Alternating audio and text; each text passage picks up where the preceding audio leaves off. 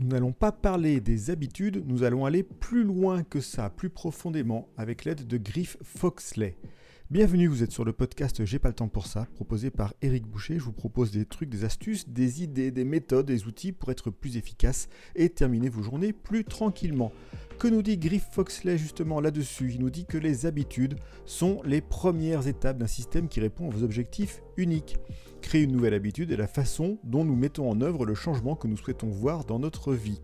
C'est assez clair et évident, libérer de l'espace dans nos agendas surchargés est essentiel pour créer de nouvelles habitudes. Mais voilà la question qui n'est pas souvent abordée lorsque nous envisageons de changer quelque chose de nos vies. À quoi sert la nouvelle habitude ou le nouveau système? Quel est le pourquoi d'entreprendre des changements quotidiens stimulants Certains vous diront que ça dépend des objectifs que vous vous fixez. Vous pourriez vouloir passer moins de temps sur les fils Instagram ou vouloir réduire cette habitude de sucre afin d'avoir une énergie plus durable tout au long de la journée ou encore arrêter de tergiverser sur le rêve que vous vous lancez de vous lancer dans une nouvelle carrière.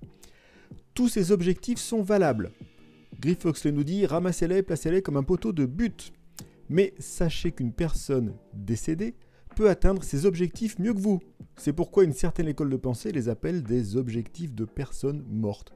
Pourquoi? Simplement parce qu'une personne décédée n'est pas sur Insta, ne mange pas de sucre et ne peut plus tergiverser. Pour que le changement ait un sens, Griff Foxley nous propose d'aller plus loin, et plus loin que les objectifs, vers les valeurs. Vous et vous seuls, nous dit-il, pouvez viser à vous connecter plus rapidement avec vos proches. Vous et vous seuls pouvez viser à créer plus de temps dans la journée pour un travail qui vous éclaire et qui éclaire votre vocation unique vous et vous seul pouvez rassembler le courage et la conviction nécessaires pour effectuer le changement de carrière que vous méritez.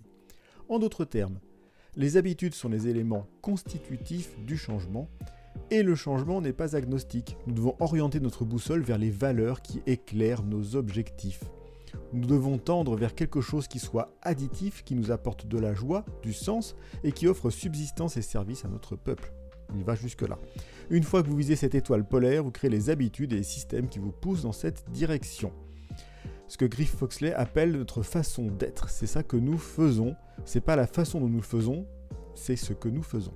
Il s'agit de qui nous sommes, comment nous voulons être et comment nous voulons nous présenter aujourd'hui, comment nous voulons nous présenter demain, ce que nous voulons défendre demain. Je vous avez prévenu, ça va assez loin, et donc on a fait la distinction entre les habitudes et les valeurs que vous allez mettre derrière les changements.